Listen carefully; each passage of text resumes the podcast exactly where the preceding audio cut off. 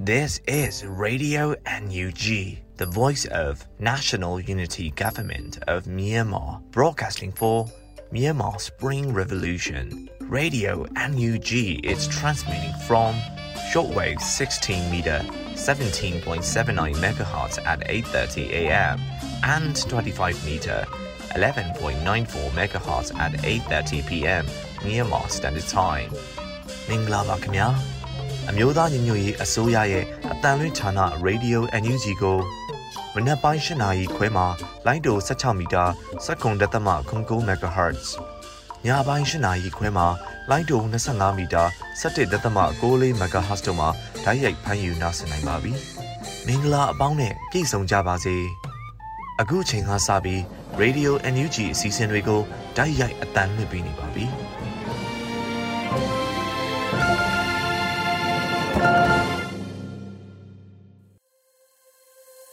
မြန်မာနိုင်ငံသူနိုင်ငံသားအပေါင်းတဘာဝပေးဆရာနာရှင်ပြီးတို့ကနေကင်းဝေးပြီးကိုစိတ်နှပါဘေးကင်းလုံခြုံကြပါစေလို့ရေဒီယိုအန်ယူဂျီဖွယ်သားများကဆုတောင်းမြတ်တာပို့သလာရပါတယ်ရှင်။အခုချိန်ကစပြီးကာကွယ်ရေးဝန်ကြီးဌာနရဲ့စီရေးတရင်ချင်းချုပ်ကိုတော့ဟိန်းကူကူကဖတ်ကြားတင်ပြပေးပါတော့မယ်ရှင်။တတရှင်တော်လန်ပြည်သူအပေါင်းမင်္ဂလာပါခင်ဗျာ။ခုချိန်ကစပြီးမြို့သားညီညွတ်ရေးဆိုရကာကွယ်ရေးဝန်ကြီးဌာနကထုတ်ပြန်တဲ့ နေ့စဉ်စီရေးသတင်းချင်းချုပ်ကိုဖတ်ကြားတင်ပြပေးပါတော့မယ်ခင်ဗျာ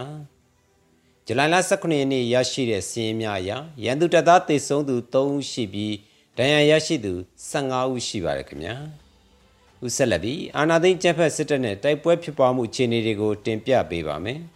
ကချင်ပြည်နယ်မှာဇူလိုင်လ16ရက်နေ့ည9:00နာရီခွဲမှာကချင်ပြည်နယ်မိုးမောက်မြို့နယ်ဒေါ်ဖုံးရံမြို့နီးရှိရန်သူစစ်ကောင်စီတပ်ရဲ့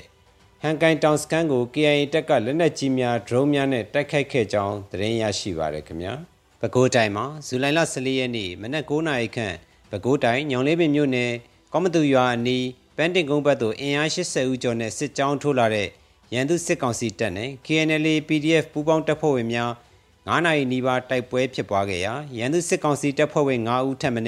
ထိခိုက်ဒဏ်ရာရရှိခဲ့ပါတယ်။တိုက်ပွဲဖြစ်ပွားချိန်တွင်ခလာရ 264ပိန်းစလုတ်တပ်ပခနဲ့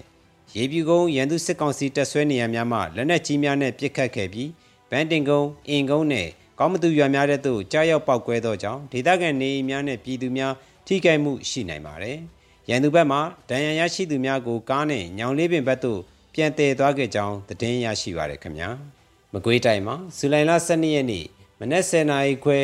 မကွေးတိုင်းရေစကြိုမြို့နယ် စင်မြဲရွာပြူရွာမှစင်ကြောင်းပြူရွာဘက်သို့ထွက်လာတဲ့ရန်သူစစ်ကောင်စီတပ်နဲ့ပြူစောတိပူးပေါင်းအင်အား9ဦးခန့်တို့ရွာချင်းဆက်လမ်းမိုင်းပေါ်သို့ဝင်ရောက်လာစဉ်ရေစကြိုမြို့နယ်ပြည်သူ့ကာကွယ်ရေးတပ်ဖွဲ့ရေစကြိုပကဖမိုင်းငါးလုံးနဲ့ဖောက်ခွဲတိုက်ခိုက်ခဲ့ခြင်းကြောင့်စစ်ကောင်စီနဲ့ပြူစောတိပူးပေါင်းလေးဦးပြင်းထန်ဒဏ်ရာရရှိခဲ့ကြောင်းသတင်းရရှိပါရခင်ဗျာဇူလိုင်လ12ရက်နေ့နေ့လယ်တနာရီခန့်မှာမကွေးတိုင်းမြိုင်မြို့နယ်ရန်သူစစ်ကောင်စီတပ်နဲ့ပြူစောတိတပ်ဖွဲ့ဝင်များ ခိုင်မာချေကုတ်ယူထားတဲ့ကန်နီရွာပြူရွာကိုမြိုင်မြို့နယ်ပြည်သူ့ကာကွယ်ရေးတပ်ဖွဲ့မြိုင်ပကဖတရင်နှင့်စလင်ဂျီ Special Task Force SSTF Shadowal Team 4 PDAF Shadowal Team 3နဲ့ TTA ရွှေဘိုဖွဲ့တို့ပူးပေါင်းကမောင်းသူမဲ့ drone များဖြင့်အကြိမ်ကြိမ်ဘုံကျဲတိုက်ခိုက်ခဲ့ရာရန်သူစစ်ကောင်စီတပ်နဲ့ပြူစောတိထိခိုက်ဒေဆုံးမှုကိုစုံစမ်းဆဲဖြစ်ပါတယ်ခင်ဗျာဇွန်လ12ရက်နေ့နေ့လယ်တနာရီခန့်မှာ မကွေးတိုင်းမြိုင်မြို့နယ်မြိုင်မြို့မြို့မရဲစခန်းကိုမြိုင်မြို့နယ်ပြည်သူ့ကာကွယ်ရေးတပ်ဖွဲ့မြိုင်ပကဖတရင်နှင့်စလင်ကြီး Special Task Force SSTF Sharwal Team 4 PDAF Sharwal Team 3နဲ့ TTA ရွှေဘိုဖွဲ့တို့ပူးပေါင်းကမောင်းသူမဲ့ drone များဖြင့်အကြိမ်ကြိမ်ဘုံကျဲတိုက်ခိုက်ခဲ့ရာရန်သူစစ်ကောင်စီတပ်ဖွဲ့ဝင်တဦးသေဆုံး၍2ဦးပြင်းထန်ဒဏ်ရာရရှိခဲ့ပါတယ်ခင်ဗျာ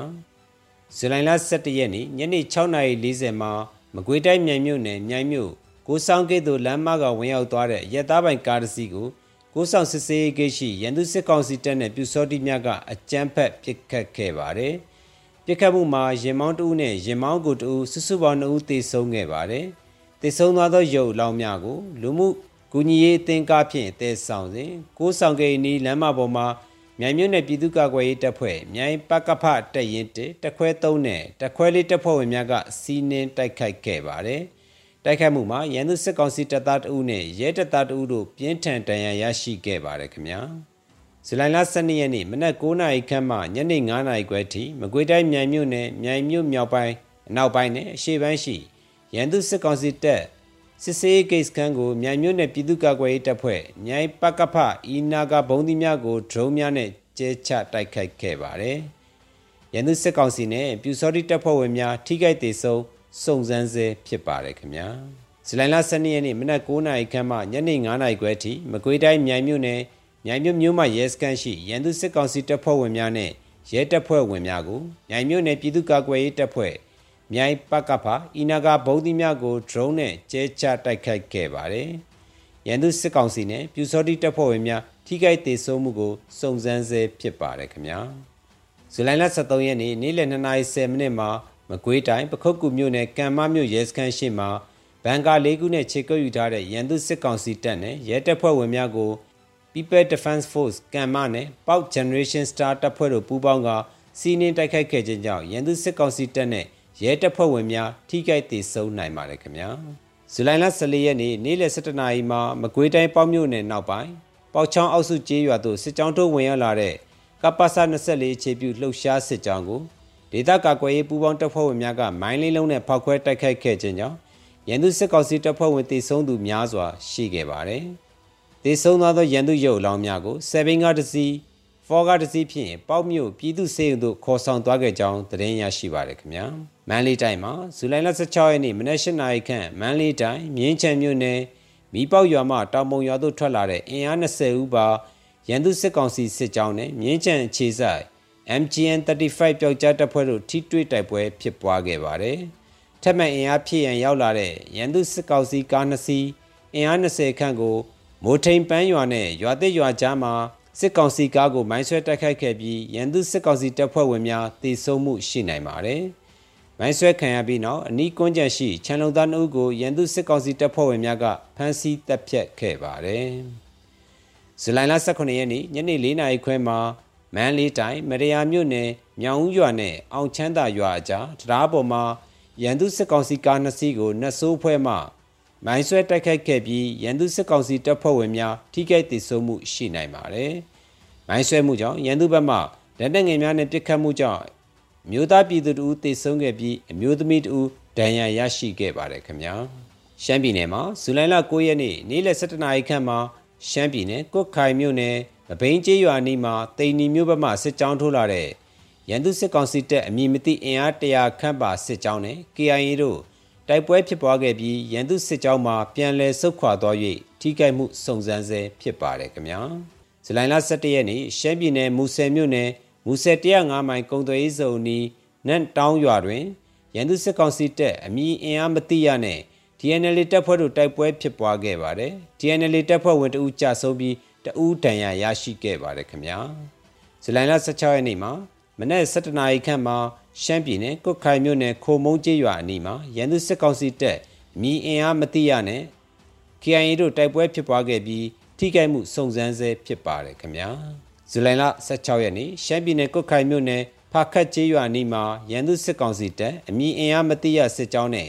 KIA တို့တိုက်ပွဲဖြစ်ပွားခဲ့၍ရန်သူစစ်ကောင်စီတပ်ထိခိုက်ဒေဆုံးမှုများရှိခဲ့ပါတယ်ခင်ဗျာ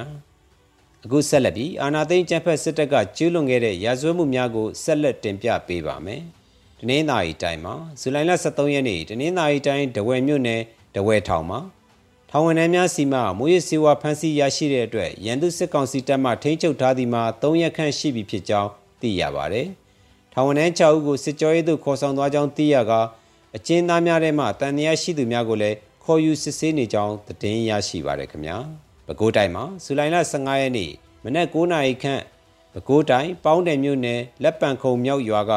ကျောင်းနိုင်ဘုံကြီး80နှစ်တပားနဲ့ရွာသား၄ဦးကိုရန်သူစစ်ကောင်စီတပ်စစ်ကြောင်းကလူသားတိုင်းဖြစ်ဖမ်းဆီးခေါ်ဆောင်သွားပါတယ်။တောင်ခမောက်ရွာအရောက်မှာလူမနေတဲ့အိမ်တလုံးထဲသို့ဖျက်ဝင်ပြီးစပားများဆိုလာများနဲ့အိမ်ထဲမှာပစ္စည်းများကိုမီးရှို့ဖျက်ဆီးခဲ့ပါတယ်။ရွာထဲမှာဝတ်တကောင်ကိုပေါက်ပြားနှင့်ထုသက်ကယူဆောင်သွားပြီးတောင်ခမောက်ရွာသားနှုတ်ကိုထပ်မံဖမ်းဆီးက မူကွင်းရွာ၌လူသားတိုင်းများနဲ့ရောက်ရှိတက်ဆွဲထားပါတယ်။အဆိုပါစစ်ကြောင်းသည်ဇူလိုင်လ14ရက်နေ့ကလက်ပံကုံရွာ၌ညရိုက်ပြီးရောက်ရှိလာတဲ့စစ်ကြောင်းဖြစ်ပါတယ်။ဇူလိုင်လ23ရက်နေ့ကလည်းတစ်ပြောက်ဆန်းရွာဖုန်ကြီးနဲ့ရွာသား၄ဦးကိုဖမ်းဆီးကလက်ပတ်ကုံရွာရောက်မှပြန်လွှတ်ပေးခဲ့ပါတယ်။ထို့ပြင်လက်ပံကုံရွာနဲ့နီးဝန်းကျင်များရှိဈေးဆိုင်ပိုင်ရှင်များကိုလည်းဖမ်းဆီးထားပြီးဝေပေးရွေးခိုင်းခြင်းမျိုးရှိနေကလက်ပံကုံရွာမှဆယ်တန်းကျောင်းသားတဦးတောင်ခမောက်ရွာမှ လေယာလုတ်သားတဦးကိုလည်းဖမ်းဆီးခဲ့ပြီးလူစားလဲခိုင်းခြင်းများပြုလုပ်နေပါတယ်။ရန်သူစစ်ကောင်စီတပ်ဖွဲ့ဝင်များသည်တန်ဃာတော်များကိုပါလူသားတိုင်းပြုလုပ်နေတဲ့အတွက်ကျောင်းနိုင်ဘုန်းကြီးချုပ်ကျောင်းကိုစွန့်ခွာခြင်းများရှိနေကြောင်းသတင်းရရှိပါတယ်ခင်ဗျာ။ဇူလိုင်လ15ရက်နေ့သတင်းအရပဲခူးတိုင်းအုပ်ဖို့မြို့နယ်ဝိုင်းကျေးရွာအုပ်စုတွင်းရှိရေပြာကန်းနီချောင်းဆောက်တာဝါကုန်းတာဝါတိုင်းဝိုင်းစသည့်ရွာများတွင်စစ်ပေးရှောင်200ဦးခန့်ရှိနေပြီး အဆိုပါကျေးရွာများတွင်ရန်သူစစ်ကောင်စီတပ်ကနေမိရှုဖျက်ဆီးခြင်းဖားငါရှာဖွေစားတောက်နေသူများဝါချိုမြစ်ချိုးလုပ်နေသူများကိုဖမ်းဆီးရိုက်နှက်ခြင်းတနက်နဲ့ပြစ်ခတ်ချောက်လန့်ခြင်းများပြုလုပ်နေကရွာနီးနားရှိဈေးဆိုင်များ၌ဈေးဝယ်သွားရောက်သူများကိုလည်းဖမ်းဆီးစစ်ဆေးခြင်းများရှိနေတဲ့အတွက်ပြည်သူများသွာလာရမလွယ်ကူပဲအခက်ကြုံတွေ့နေရပါတယ်။ရခိုင်ကစစ်ဘေးရှောင်ပြည်သူများသည်အုပ်ဖို့မြို့နယ်ရှိကမုံဆဲကိုအားကိုးနေပြီးငါးဖမ်းခြင်းပဇွန်မြုံထောင်ခြင်း ဖားရိုက်ခြင်းတောရဲ၌ဝါခုတ်မြစ်ချိုးရောင်းချခြင်းများနဲ့အခြားကြုံရကြပန်းလုံများကိုလည်းလောက်ကန့်အသက်မွေးနေရသူများဖြစ်ကာလက်ရှိတွင်ရန်သူစစ်ကောင်စီတပ်ဖွဲ့ကဝိုင်းကျေးရွာ၌အထိုင်ချတပ်ဆွဲထားတယ်။အုပ်ဖို့မြို့နယ်တွင်းရှိ PDF တပ်ဖွဲ့အနေနဲ့လည်းစစ်ဆောင်ပြည်သူများစားဝတ်နေရေးခက်ခဲနေသောကြောင့်အမိုးအကာရိတ်ခါစေဝါချိုးနဲ့စားစရာတီးနယ်များကိုတက်နိုင်တဲ့ဘက်မှကူညီထောက်ပံ့ခဲ့ကြောင်းသတင်းရရှိပါရခင်ဗျာ မကွေးတိုင်းမှာဇူလိုင်လ10ရက်နေ့မကွေးတိုင်းနတ်မောက်မြို့နယ်အင်ဂျီ400ကျော်ဒေသခံလူဦးရေထောင်ခန့်အခြေပြုနေထိုင်ရာကြောက်အိုးရွာသို့ရန်သူစစ်ကောင်စီစစ်ကြောင်းဝင်ရောက်လာကဒေသခံပြည်သူ20ဦးခန့်ကိုအကြမ်းဖက်ဖမ်းဆီးခဲ့ပါတယ်ဒေသခံပြည်သူများဘေးလွတ်ရာသို့ထွက်ပြေးတိမ်းရှောင်နေကြရပါတယ်ဇူလိုင်လ9ရက်နေ့နေ့လယ်17နာရီခန့်မှာမကွေးတိုင်းရေစကြိုမြို့နယ်ကိုင်းမကြီးကျေးရွာဒေသခံဖြစ်သူအသက်15နှစ်ရွယ်ကိုကျော်တပ်ပိုင်သည်ပခန်းကြီးရွာ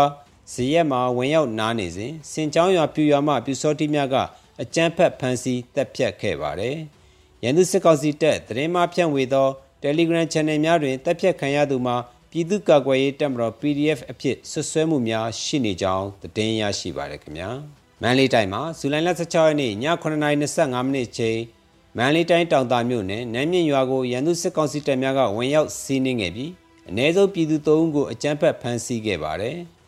ဇူလိုင်လ18ရက်နေ့မန္တလေးတိုင်းကြောက်ပတောင်မြို့နယ်တောင်စင်ရွာနီးရခင်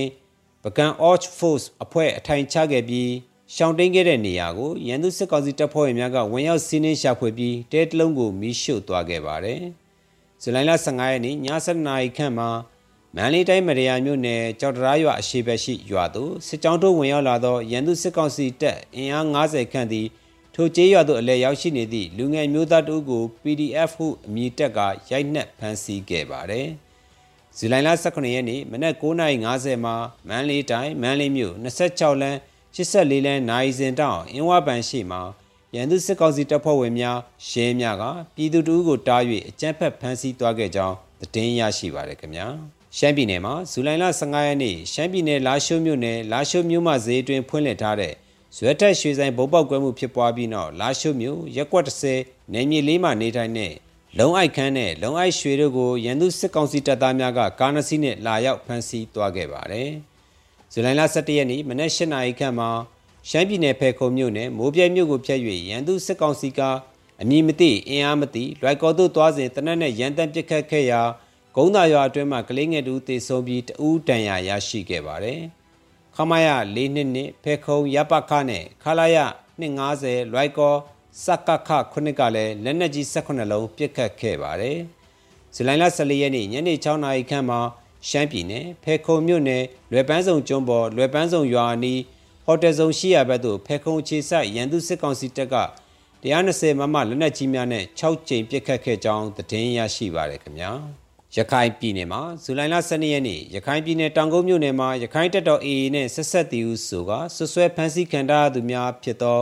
တောင်ကုန်းမြို့နယ်စားပြင်ကျေးရွာမှကိုတန်းနိုင်ချက်ပေါက်ရွာမှကိုကျော်တင်အောင်ကိုနေရဲဝင်းကိုထွေးမောင်မအီမြို့မှကိုတန်းစော်ထေးနဲ့ကိုတန်းစော်စော်တို့ကို၃နှစ်ကျော်ကြာအမှုရင်ဆိုင်ပြီးနောက်တောင်ကုန်းမြို့နယ်တရားရုံးကအကြမ်းဖက်မှုတိုက်ဖျက်ရေးဥပဒေပုံမှန် 52ကကြီးဖြင့်ထောင်ဒဏ်၄နှစ်စီချမှတ်လိုက်ကြောင်းသတင်းရရှိပါတယ်ခင်ဗျာဟုတ်ကဲ့ပါအခုတင်ပြပေးခဲ့တဲ့သတင်းတွေကိုမြေပြင်သတင်းတာဝန်ခံများနဲ့ခိုင်လုံသောသတင်းရင်းမြစ်များမှစူးစီးတင်ဆက်ပေးထားတာဖြစ်ပါတယ်ခင်ဗျာကျွန်တော်ဟိတ်ကိုကိုပါ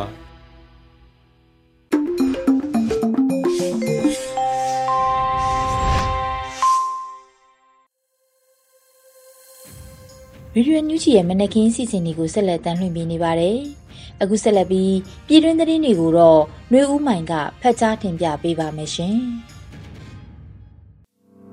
မင်္ဂလာပါရှင်။အခုချိန်ကစပြီး Radio NUG ရဲ့ဇူလိုင်လ18ရက်နေ့မနက်ခင်းပြည်တွင်တင်ပြကုန်ဖတ်ကြားပေးပါတော့မယ်။ကျွန်မຫນွေဦးမိုင်ပါ။အပြည်ပြည်ဆိုင်ရာနိုင်ငံတကာတိုင်းဝမ်အနေဖြင့်မြန်မာပြည်သူများနဲ့အတူခိုင်ခိုင်မာမာရပ်တည်ဖို့တိုက်တွန်းတဲ့သတင်းကိုပထမအုပ်ဆုံးတင်ပြပေးချင်ပါတယ်။ အပြည်ပြည်ဆိုင်ရာနိုင်ငံတကာတိုင်းဝမ်အနေဖြင့်မြန်မာပြည်သူများနဲ့အတူခိုင်ခိုင်မာမာရပ်တည်ဖို့ပြည်ထောင်စုဝန်ကြီးဒေါက်တာဆဆာကတိုက်တွန်းဆိုပါတယ်။ဇူလိုင်18ရက် Sky News London ကမြန်မာနိုင်ငံတွင်လူမျိုးတုံးသက်ဖြတ်သည့်စစ်အာဏာရှင်နဲ့၎င်းလက်အောက်ရှိစစ်တပ်နဲ့ပတ်သက်၍၎င်းတို့၏လှုပ်ဝက်စုံစမ်းစစ်ဆေးမှုသတင်းမှတ်တမ်းဗီဒီယိုနဲ့ပတ်သက်၍ဝန်ကြီးဒေါက်တာဆဆာကသုံးသပ်ပြောကြားထားပါတယ်။မြန်မာပြည်သူများကိုထိတ်လန့်ပွဲ လူအခွင့်အရေးချိုးဖောက်မှုများနဲ့လူသားမျိုးနွယ်အပေါ်ကျူးလွန်သည့်ရာဇဝတ်မှုများမှကာကွယ်နိုင်ရန်အပြည့်ပြည့်ဆိုင်ရာအတိုင်းဝမ်များကချက်ချင်းအရေးယူဆောင်ရွက်ရန်အရေးကြီးပါတယ်။လူမျိုးတုံးသက်ဖြတ်နေသည့်အကြမ်းဖက်စစ်အုပ်စုကိုအမြင့်ပြတ်တော်လှန်ပြီး Federal Democracy မြန်မာနိုင်ငံတော်တက်ကူတီထောင်ရအတွက်မြန်မာနိုင်ငံလုံးဆိုင်ရာတော်လှန်ရေးသည့်နေစဉ်နဲ့မျှအရှိန်အုံမြင့်တက်လာနေပါတယ်။အပြည့်ပြည့်ဆိုင်ရာနိုင်ငံတကာအတိုင်းဝမ်အနေဖြင့်မြန်မာပြည်သူများနဲ့အတူခိုင်ခိုင်မာမာရပ်တည်ပြီး လွတ်လပ်ရေးနဲ့ဒီမိုကရေစီအတွက်သူတို့ရုန်းကန်မှုကိုထောက်ပံ့ပေးရပါမယ်။တရားမျှတမှုတာဝန်ယူတာဝန်ခံမှုရှိပြီးအကြမ်းဖက်မှုများအားလုံးရပ်တန့်ရန်တောင်းဆိုလိုက်ပါတယ်လို့ဝန်ကြီးကဆိုပါတယ်။အကြမ်းဖက်စစ်တပ်ဟာလူပေါင်း3000ကျော်ကိုတပ်ဖြတ်ခဲ့ပြီးလူပေါင်း2000ကျော်ကိုဖမ်းဆီးချုပ်နှောင်ခဲ့ပါတယ်ရှင်။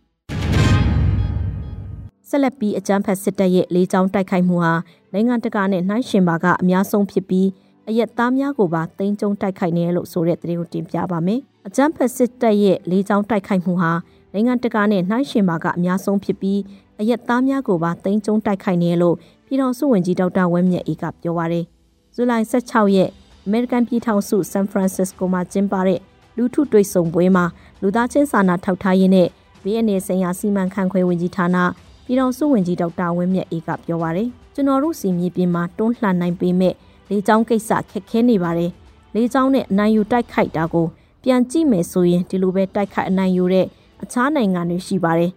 အာဖဂန်နစ္စတန်တို့ယီမင်တို့ဆူဒန်တို့ဆီးရီးယားတို့ဘယ်နိုင်ငံနဲ့ရှင်းရှင်းလေကြောင်းတိုက်ခိုက်မှုနဲ့မတရားတိုက်ခိုက်မှုကကျွန်တော်တို့နိုင်ငံအများဆုံးဖြစ်ပါတယ်အပြစ်မဲ့ရက်သားတွေပါတိမ့်ကျုံတိုက်ခိုက်တာဖြစ်ပါတယ်လို့ဝန်ကြီးကဆိုပါတယ်2023ခုနှစ်ပထမ၄လပတ်အတွင်းမြို့နယ်ပေါင်း56ခုထက်မနည်းမှာ လေးချောင်းတိုက်ခိုက်ခံရမှု442ကြိမ်ထက်မနည်းရှိခဲ့ပါတယ်။ဒီကာလအတွင်းဖြစ်ခဲ့တဲ့တိုက်ပွဲတွေနဲ့လေးချောင်းတိုက်ခိုက်မှုတွေအတွင်းမှာအရက်သား693ဦးထက်မနည်းသေဆုံးခဲ့ရတယ်လို့ ISP မြန်မာကဖော်ပြထားပါတယ်ရှင်။ကြာကာလဒေသန္တရပြည်သူ့အုပ်ချုပ်ရေးဖော်ဆောင်မှုဘိုဟကော်မတီနဲ့စကိုင်းတိုင်းရှိမြို့နယ်ပြည်သူ့အုပ်ချုပ်ရေးဖွဲ့များတွိတ်ဆုံဆွေးနွေးပွဲပြည်ထောင်စုဝန်ကြီးနိုင်သူဝနတရောက်တဲ့သတင်းကိုဆက်လက်တင်ပြပါမယ်။ အမျိုးသားညီညွတ်ရေးအစိုးရဂျာကာလဒေသန္တရပြည်သူ့အုပ်ချုပ်ရေးဖော်ဆောင်မှုဗဟိုကော်မတီနဲ့စကိုင်းတိုင်းမြို့နယ်ပြည်သူ့အုပ်ချုပ်ရေးအဖွဲ့များတွိတ်ဆုံဆွေးနွေးပွဲစည်းဝေး28မြင်းဆောင်2023ကိုဇူလိုင်လ18ရက်မှာကျင်းပခဲ့ပြီးအစည်းအဝေးသို့ဂျာကာလဒေသန္တရပြည်သူ့အုပ်ချုပ်ရေးဖော်ဆောင်မှုဗဟိုကော်မတီအဖွဲ့ဝင်အလုပ်သမားဝင်ကြီးဌာနပြည်ထောင်စုဝန်ကြီးနိုင်ထုံးဖေခေါ်နိုင်သူဝနမှတက်ရောက်ပြီးအဖွဲ့မှစကားပြောကြားခဲ့ပါတယ်။ထို့နောက်တက်ရောက်လာသောဝန်ကြီးဌာနများမှ ဌာနနှင့်သက်ဆိုင်သည့်လုပ်ငန်းများအားမှာကြားဆောင်ရွက်ခဲ့ပြီးခရိုင်ပြည်သူ့အုပ်ချုပ်ရေးအဖွဲ့များမှရည်ပြင်လုပ်ငန်းဆောင်ရွက်ချက်များအားချပြရှင်းလင်းပြောကြားခဲ့ပါတယ်။အစည်းအဝေးသို့ပြည်ထောင်စုဝန်ကြီးနိုင်ထွန်းပေခေါ်နိုင်သူဝနမှဦးဆောင်ကအမြဲတမ်းအတွင်းဝင်များတွဲဖက်အတွင်းဝင်များဝန်ကြီးဌာနအသီးသီးမှတာဝန်ရှိသူများစကိုင်းတိုင်းရှိမြို့နယ်ပြည်သူ့အုပ်ချုပ်ရေးအဖွဲ့ခေါင်းဆောင်များအဖွဲ့ဝင်များတက်ရောက်ခဲ့ကြပါတယ်ရှင်။ဆက်လက်ပြီးမြန်မာစစ်တပ်ရဲ့ အကြမ်းဖက်မှုကိုခွင့်မလွတ်ပါနဲ့ခေါင်းစဉ်ဖြင့်မြန်မာအရေးဟောပြောပွဲဂျပန်နိုင်ငံတွင်ကျင်းပတဲ့သတင်းကိုတင်ပြပါမယ်။မြန်မာစစ်တပ်ရဲ့အကြမ်းဖက်မှုကိုခွင့်မလွတ်ပါနဲ့ခေါင်းစဉ်ဖြင့်မြန်မာအရေးဟောပြောပွဲကိုဂျပန်နိုင်ငံတွင်ကျင်းပခဲ့လို့ဇူလိုင်16ရက်မှာဂျပန်နိုင်ငံရှိ UNG ကိုယ်စားလှယ်ရုံးကသတင်းထုတ်ပြန်ပါတယ်။မြန်မာစစ်တပ်ရဲ့အကြမ်းဖက်မှုကိုခွင့်မလွတ်ပါနဲ့ဆိုသည့်ခေါင်းစဉ်ဖြင့်ပြုလုပ်ခဲ့သည့်မြန်မာရေးဟောပြောပွဲတွင်ဂျပန်နိုင်ငံဆိုင်ရာ UNG ကိုယ်စားလှယ်ရုံးမှကိုယ်စားလှယ် ဦးစောဘာလှသိန်းဂျပန်အထက်လွှတ်တော်မှတ်မစ္စတာမီချီဟီရိုအီရှိဘရှိ CDM အတွင်းဝင်ဦးအောင်စိုးမိုးနဲ့တိုကျိုမြို့မှမြန်မာဒီမိုကရေစီအရေးတက်ကြွလှုပ်ရှားသူဦးမျိုးမင်းဆွေတို့တက်ရောက်ခဲ့လို့ဖော်ပြပါရယ်။အဆိုပါဟောပြောပွဲတွင်မြန်မာနိုင်ငံရဲ့တမိုင်းကြောင်လက်ရှိအခြေအနေဂျပန်အစိုးရရဲ့လက်ရှိသဘောထားအခြေအနေနဲ့မြန်မာစစ်တပ်ရဲ့အကြမ်းဖက်မှုကိုခွင့်မလွတ်နိုင်တဲ့အကြောင်းရင်းများကိုသတင်းအချက်အလက်များနဲ့ ဂျပန်ပြည်သူများကိုရှင်းလင်းတင်ပြဟောပြောခဲ့ပါတယ်။ဥဆောင်ပြုလုပ်ပေးသည့်နောက်ကိုရာမြန်မာစွန်နှလုံးသားအဖွဲ့မှကိုအောင်ကိုမင်းမှအဖွင့်မတ်စကာပြောကြားပေးကနောက်ကိုရာမှမြန်မာရေးတက်ကြွလှုပ်ရှားသူအေမီမီကစ조사လောက်ကင်ဆောင်ရနေပုံများကိုဟောပြောခဲ့ပါတယ်။ကြာအင်းစိတ်ကြီးမြို့မြို့နယ်ရေးစခန်းထွေအုပ်ယုံမြေစရင်ရုံးတို့အပြင်ခုတ်ခွာရှိတာစစ်စခန်းနဲ့စစ်ကိုလာတဲ့စစ်ကြောင်းတို့ကို KNLA SOF Cloud Wings Federal Wings တို့ပူးပေါင်းတိုက်ခိုက်အောင်မြင်ခဲ့တဲ့သတင်းကိုဆက်လက်တင်ပြပါမယ်။ကြာအင်းစိတ်ကြီးမြို့မြို့နယ်ရေးစခန်းထွေအုပ်ယုံမြေစရင်ရုံးတို့အပြင်ခုတ်ခွာရှိတာစစ်စခန်းနဲ့စစ်ကိုလာတဲ့စစ်ကြောင်းတို့ကို KNLA SOF Cloud Wings Federal Wings တို့ပူးပေါင်းတိုက်ခိုက်အောင်မြင်ခဲ့တယ်လို့ဇူလိုင်18ရက်မှာစစ်ရေးသတင်းကို Cloud Wings Drone တပ်ဖွဲ့ကအတည်ပြုဆိုပါတယ်။ကရင်အမျိုးသားလွတ်မြောက်ရေးတပ်မတော် KNLA အထူးစစ်စင်ရေးတပ်ဖွဲ့ SOF Cloud Wings Drone တပ်ဖွဲ့နဲ့ Federal Wings Drone တပ်ဖွဲ့တို့ပူးပေါင်းပြီးအကြမ်းဖက်စစ်တပ်ရဲ့အုပ်ချုပ်ရေးလုံခြုံရေးများဆောင်ရွက်ပေးနေတဲ့ကျန်းအင်းစိတ်ကြီးမြို့မြို့နယ်ရေးစခန်းထွေအုပ်ယုံမြေစင်းရုံးတို့ပြင်ခမရ958ဒုတရင်မှုဦးစီးစစ်ကြောင်းနှင့်အခြေပြုနေတဲ့ခုတ်ခွာစစ်စခန်းနဲ့ခုတ်ခွာစခန်းကိုစစ်ကူလာနေတဲ့ခမရ958တရင်မှုဦးစီးစစ်ကြောင်းတဲ့ ခမရ43နှစ်တရင်စစ်ကြောင်းနှစ်တို့အားဇူလိုင်17ရက်နေ့မှာစတင်က16ရက်နေ့ထိနေစင်ဒရုန်းများလက်နက်ကြီးလက်နက်ငယ်မျိုးစုံအသုံးပြုကတိုက်ခိုက်ခဲ့ပါတယ်လို့ဖော်ပြပါတယ်။တိုက်ခိုက်မှုကြောင့်ခုတ်ခွာစစ်စခန်းပါဝင်ကြာအင်းစိတ်ကြီးမျိုးရှိမြို့နယ်ရေးစခန်းထွေအုပ်ယုံမြေစင်းရုံးတို့ကြီးမွပျက်စီးသွားပြီးရန်သူစစ်ကောင်စီလက်အောက်ခံတပ်သား10ဦးခန့်သေဆုံးက20ဦးထက်မနည်းပြင်းထန်ဒဏ်ရာရရှိခဲ့လို့ဆိုပါတယ်။ ရန်သူစစ်ကောင်စီတပ်မှလင်းများဖြင့်ဘိုးများလာကျဲချင်းလက်နက်ကြီး120မမ81မမ60မမများဖြင့်နေရာအနှံ့ရန်တမ်းပစ်ခတ်ခဲ့ပြီးမိမိတို့ KNLA SOF Cloud Wings Federal Wings ပူပေါင်းတပ်ဖက်မှရဲဘော်တအူဒဏ်ရာမစိုးရင်ရရရှိခဲ့ပြီးလက်နက်ခဲယမ်းပျက်စီးများထိခိုက်မှုဆုံးရှုံးမှုတစုံတရာမရှိခဲ့ဘူးလို့သိရပါတယ်ရှင်။ ဆက်လက်ပြီးမကွေးလေတပ်စခန်းအားတရားခွန်မမလျှော့တုံးနဲ့ပြစ်ခတ်တိုက်ခိုက်ရာစီကိုရောင်ထိမှန်၍စစ်ကောင်စီတပ်ဖွဲ့ဝင်များလည်းထိခိုက်သေးဆုံးမှုရှိတဲ့တဲ့ရင်ကိုတင်ပြပါမယ်။ဇူလိုင်18ရက်နေ့နဲ့တနင်္လာရီအချိန်မှာမကွေးလေတပ်စခန်းအားတရားခွန်မမလျှော့တုံးနဲ့ပြစ်ခတ်တိုက်ခိုက်ရာစီကိုရောင်ထိမှန်၍စစ်ကောင်စီတပ်ဖွဲ့ဝင်များလည်းထိခိုက်သေးဆုံးမှုရှိရလို့မကွေးခရံအမှတ်2တပ်ရင်းကအတိပေးဆိုပါရယ်ဇူလိုင်18ရက်နေ့နဲ့တနင်္လာရီအချိန် MKCDF အဖွဲ့ကဦးဆောင်ကကာကွယ်ရေးတပ်ဖွဲ့များပူးပေါင်း၍မကွေးလေတပ်စခန်းအားတရားခွန်မမရှော့တုံး၅လုံးနဲ့ပြစ်ခတ်ခဲ့လို့ဆိုပါရယ်ရှော့တုံးတစ်လုံးမှမပေါက်ကွဲ၍လေးလုံးမှလေးတပ်စခန်းကိုပြစ်မှတ်မှန်ကန်စွာထိရောက်၍စီကိုရောင်ထိမှန်ကစစ်ကောင်စီတပ်ဖွဲ့ဝင်များလည်းထိခိုက်ကြဆုံးမှုရှိရလို့သိရပါတယ်ရှင်။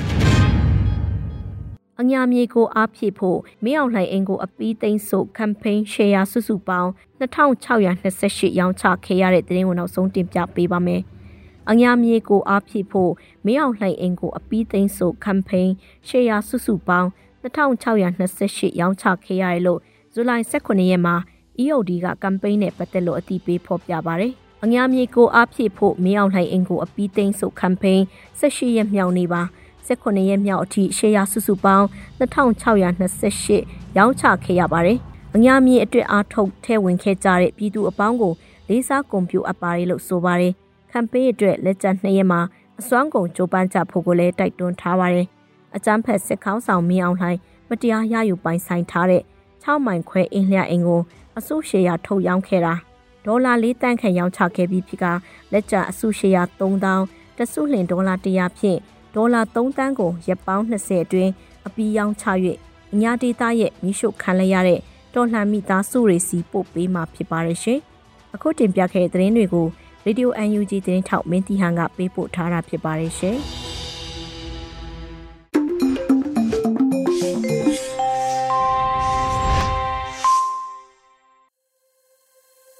ရေဒီယိုအန်ယူဂျီကိုနာတော်တာဆင်နေတဲ့ပရိသတ်များရှင်အခုတခါ တော်လှန်ရေးတီဂီတာစီစဉ်မှာတော့တေးရီမောင်တင်တဲ့တေးဆူကိုစိုးနဲ့မောင်ဖတ်တို့တီးဆိုထားတဲ့အောင်လန်လွှင်းလို့ချီတက်ကြဆိုနော်လို့အမည်ရတဲ့တော်လှန်ရေးတေးဂီတကိုနားဆင်ကြရတော့မှာဖြစ်ပါတယ်ရှင်။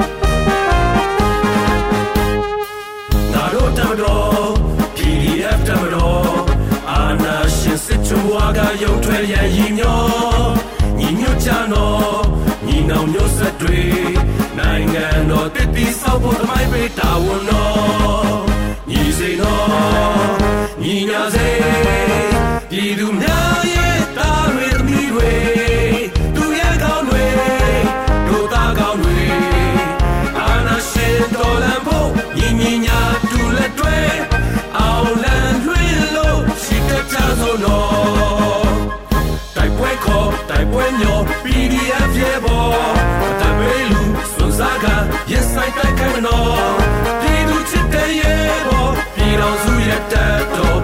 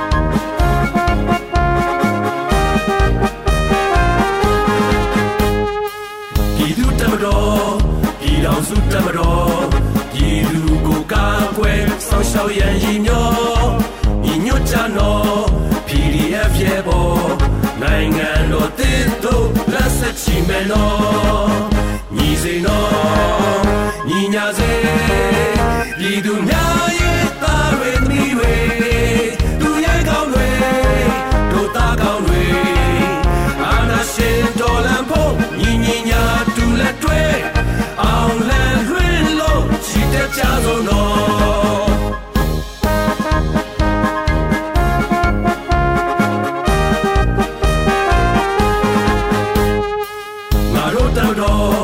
PDF တမတော်အာနာရှင်စစ်ချမွာကရုံထွက်ရန်ရည်ညောညီညွတ်ချတော်ညီနောင်မျိုးဆက်တွေနိုင်ငံတော်တည်တည်ဆောက်ဖို့သမိုင်းပေးတာဝန်တော်ညီစေတော်ညီညာစေ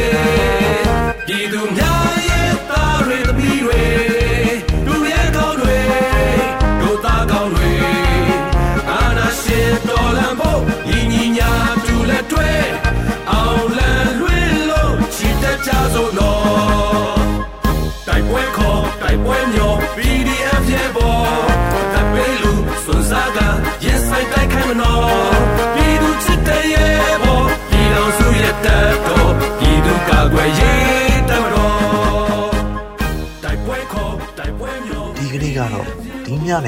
Radio NUG ရဲ့အစည်းအဝေးကိုခਿੱတရနာလိုက်ပါမယ်။မြန်မာစံတော်ချိန်မနက်၈နာရီခွဲနဲ့ည၈နာရီခွဲအချိန်တွေမှာပြန်လည်ဆုံးဖြတ်ကြပါစို့။ Radio NUG ကိုမနက်ပိုင်း၈နာရီခွဲမှာလိုင်းဒို16မီတာစက္ကန့်တသမ9 MHz ညပိုင်း၈နာရီခွဲမှာလိုင်းဒို25မီတာ17သမ6 MHz တို့မှာဓာတ်ရိုက်ဖမ်းယူနားဆင်နိုင်ပါပြီ။မြန်မာနိုင်ငံသူနိုင်ငံသားများကိုစိတ်နှပြကျန်းမာချမ်းသာလို့ဘေးကင်းလုံခြုံကြပါစေလို့ Radio NUG အဖွဲ့သူအဖွဲ့သားများကဆုတောင်းလိုက်ရပါတယ်။အမျိုးသားညီညွတ်ရေးအစိုးရရဲ့စက်သွေးရေးတရင်အချက်အလက်နဲ့ဤပညာဝန်ကြီးဌာနကထုတ်လွှင့်နေတဲ့ Radio NUG ဖြစ်ပါတယ်။ San Francisco Bay Area အခြေစိုက်မြန်မာမိသားစုများနဲ့နိုင်ငံတကာကစေတနာရှင်များလှုပ်အားပေးများရဲ့ Radio NUG ဖြစ်ပါတယ်